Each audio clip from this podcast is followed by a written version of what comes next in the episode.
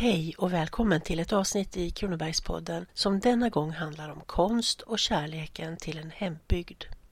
Få städer har så intimt förknippats med en viss familj som Ljungby med konstnärsfamiljen Ljungberg. Mest publikt företrädd och känd genom konstnären och författaren Sven Ljungberg, även om den konstnärliga begåvningen var rikt representerad hos flera familjemedlemmar.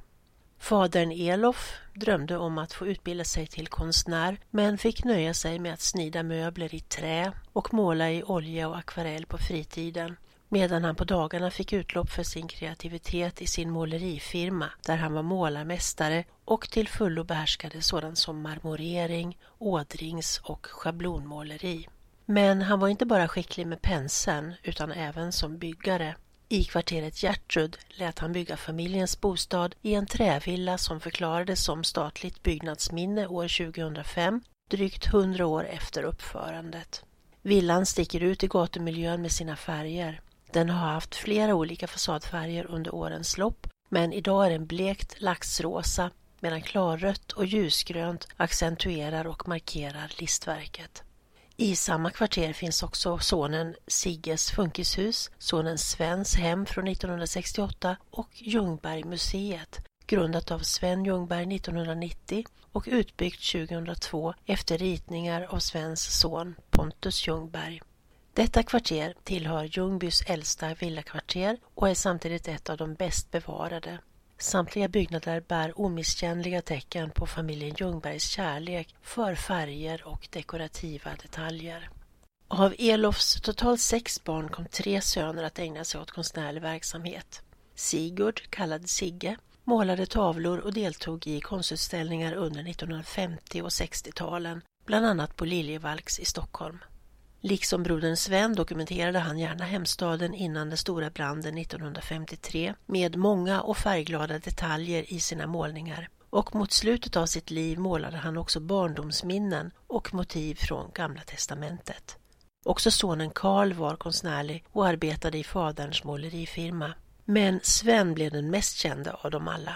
Efter några korrespondenskurser i teckning på Hermods kom han 1932 till Tekniska skolans aftonskola i Stockholm, nuvarande Konstfack.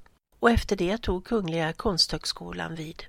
Sven kom att helhjärtat under hela sitt liv ägna sig åt konsten och blev redan tidigt ett erkänt namn som konstnär. Under 1980-talet var han rektor på Kungliga Konsthögskolan i Stockholm. Han fick därefter professors namn och tillhörde de relativt få som uppbar statlig inkomstgaranti för konstnärer. Sven Ljungberg både ärvde sin konstnärlighet och gav den vidare i sin egen familj. Han studerade vid Kungliga Konsthögskolan mellan 1934 och 1939 och sistnämnda år fick han Jenny Linds stora resestipendium. För en del av de pengarna åkte han till Italien 1940 på en tre månader lång resa. Det var inledningen på hans därefter återkommande resor dit. Samma år träffade han på Konstakademin Grafiska skolan i det gamla Sergelhuset i Stockholm sin hustru, konstnären och illustratören Ann-Margret Dahlqvist Ljungberg, där också hon var elev. Hon hade börjat studera konst redan vid 16 års ålder på Tekniska skolans Konstfacks kvinnliga avdelning. Hon blev så imponerad av en etsning som Sven gjorde av ett olivträd från Italien så att intresset förflyttades till honom själv, i alla fall om man ska tro Sven Ljungbergs egen version.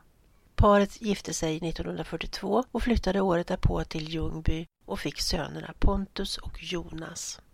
I Ljungby kände Sven Ljungberg sig hemma. Bandet till hans hemstad var starkt och varade livet ut. Han gick med liv och lust in för att i måleri och grafik skildra staden och i hans rikt efterlämnade material möter man både avbildade stadsmiljöer, naturbilder, arbetsplatser, byggnader och många namngivna Ljungbybor.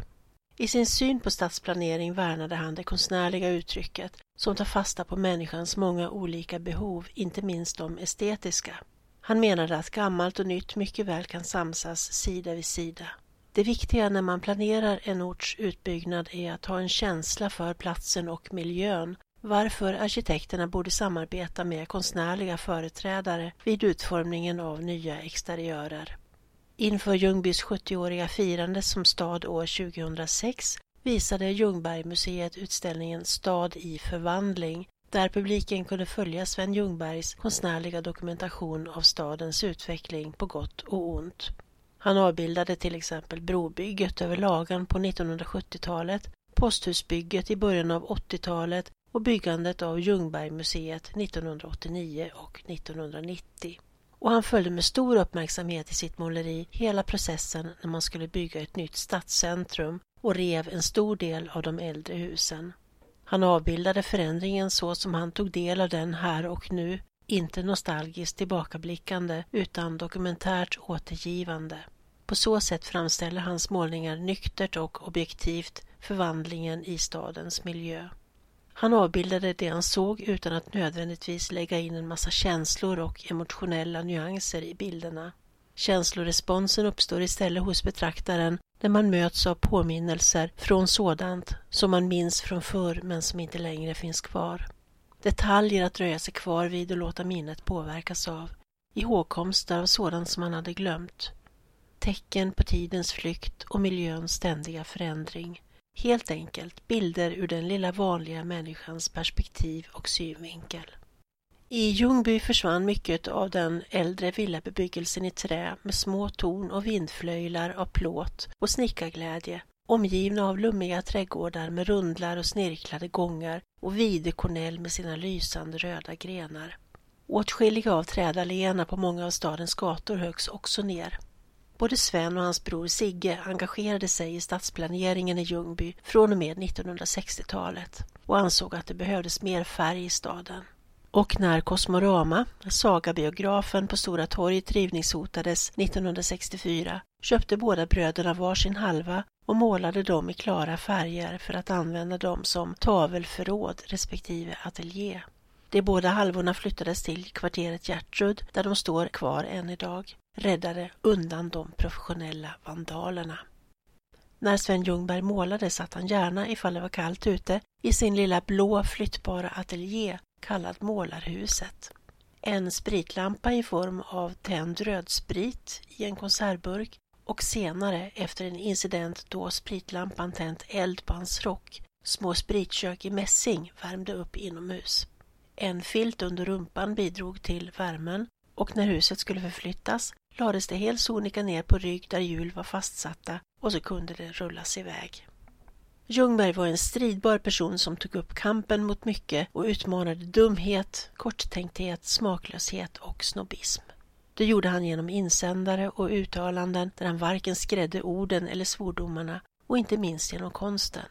Det som ord inte alltid kunde förmedla kunde tydliggöras genom bilder, såsom när han avbildade politikern Hjalmar Mer svävande i en pratbubbla ovanför almarna under almstriden i Kungsträdgården i Stockholm 1971 i målningen Kommunal demokrati eller titeln till en målning föreställande Kungsgatan i Ljungby.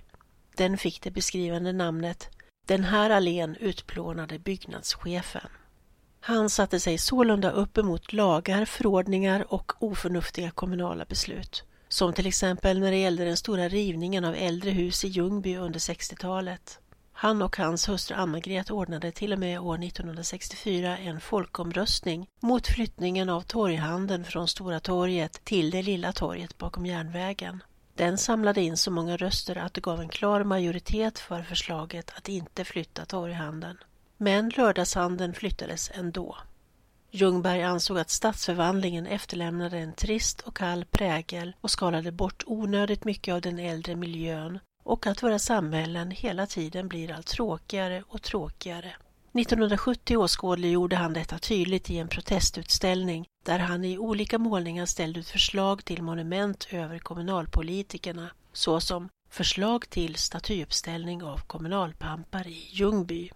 Där kan man se en allé där träden, som verkligen högst ner trots protester, är utbytta mot lokalpolitiker som hundarna lyfter benen och kissar mot samt en kommunalpolitisk representant upphängd i en lyktstolpe. På målningen Kommunalpampen och hans idealtorg syns politikern bära sitt huvud under armen.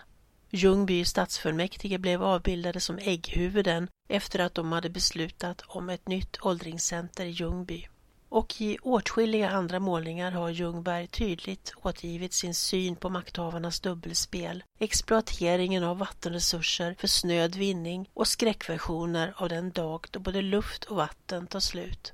Det är i sammanhanget inte förvånande att han deltog i utställningen Rovdriften på jord, vatten och luft på Moderna Museets filial. Sven Ljungberg var en oerhört mångsidig konstnär som använde sig av flera olika konstnärliga uttryck. Han är också rikt representerad med åtskilliga monumentalverk.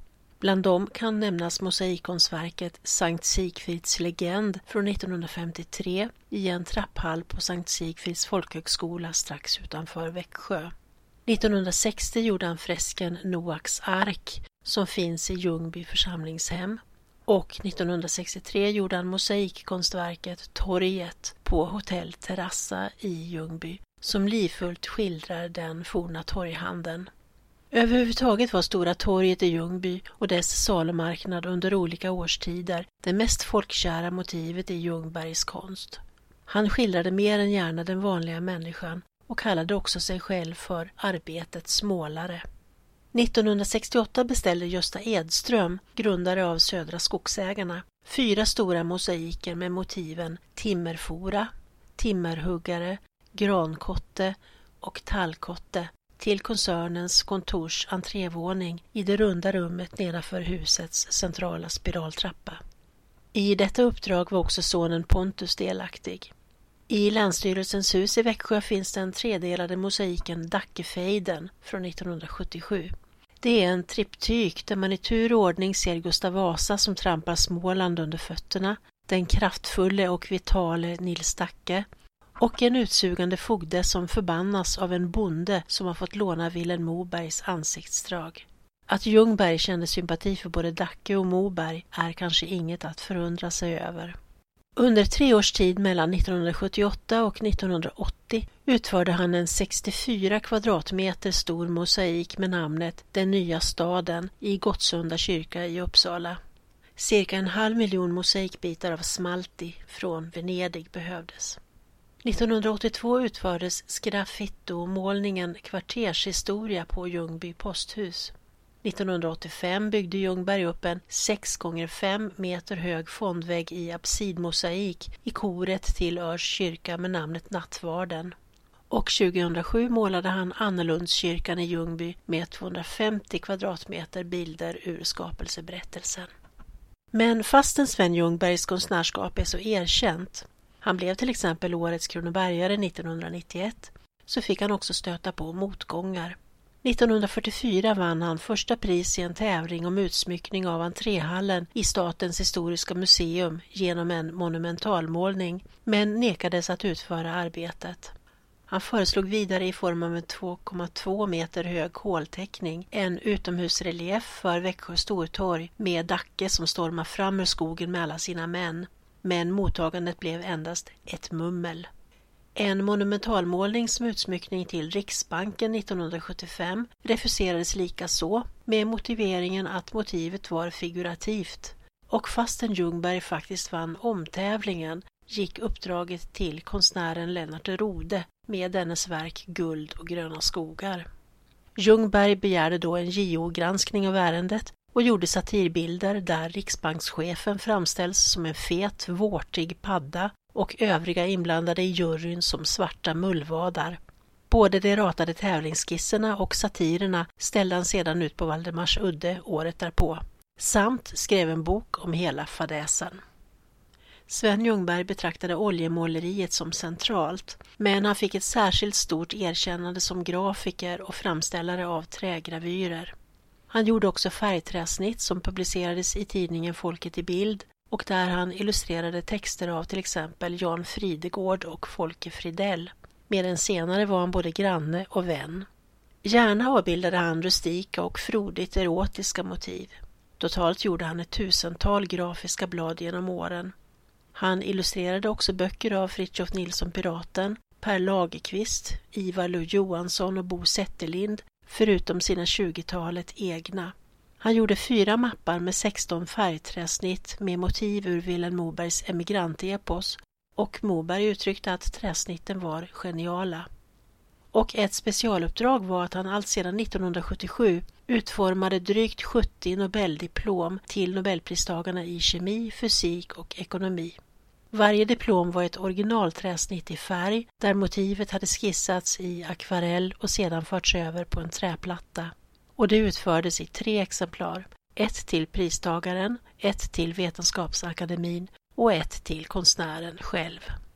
Sven Ljungberg var kraftfull både som konstnär och människa. Till exempel vinterbadade han ända fram till 1996 då han var 82 år gammal. Efter en hjärtinfarkt senare på hösten förbjöds han av läkarna att fortsätta med detta.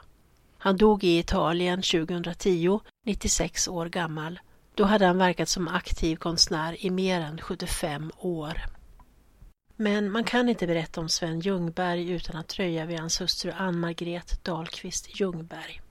Hon intog inte samma självklara plats på scenen som sin man som var van vid att stå i rampljuset och inte skräda orden. Men som konstnär, författare och poet uppehöll hon sig i samma första klassens division.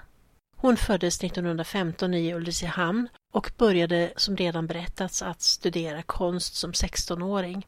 Det var också på Konstakademin som de båda träffades. Hon arbetade i en surrealistisk och detaljerad stil, gjorde grafiska blad med tuschteckningar eller skickligt utförda torrnålsraderingar. Hon var medarbetare i tidningen Vi som illustratör åt bland annat Ivar Johansson, Eivind Jonsson och Harry Martinsson, men gjorde också egna barnsidor med serier såsom Marknadsresan. Där förekom till exempel hennes egna barn som karaktärer. När hon skrev var det oftast under signaturen Gittan, vilket också var makens och vännernas smeknamn på henne. Hon var starkt engagerad i både kvinno och miljörörelsen liksom i kärnkraftsfrågan. Detta gav hon också uttryck för artistiskt.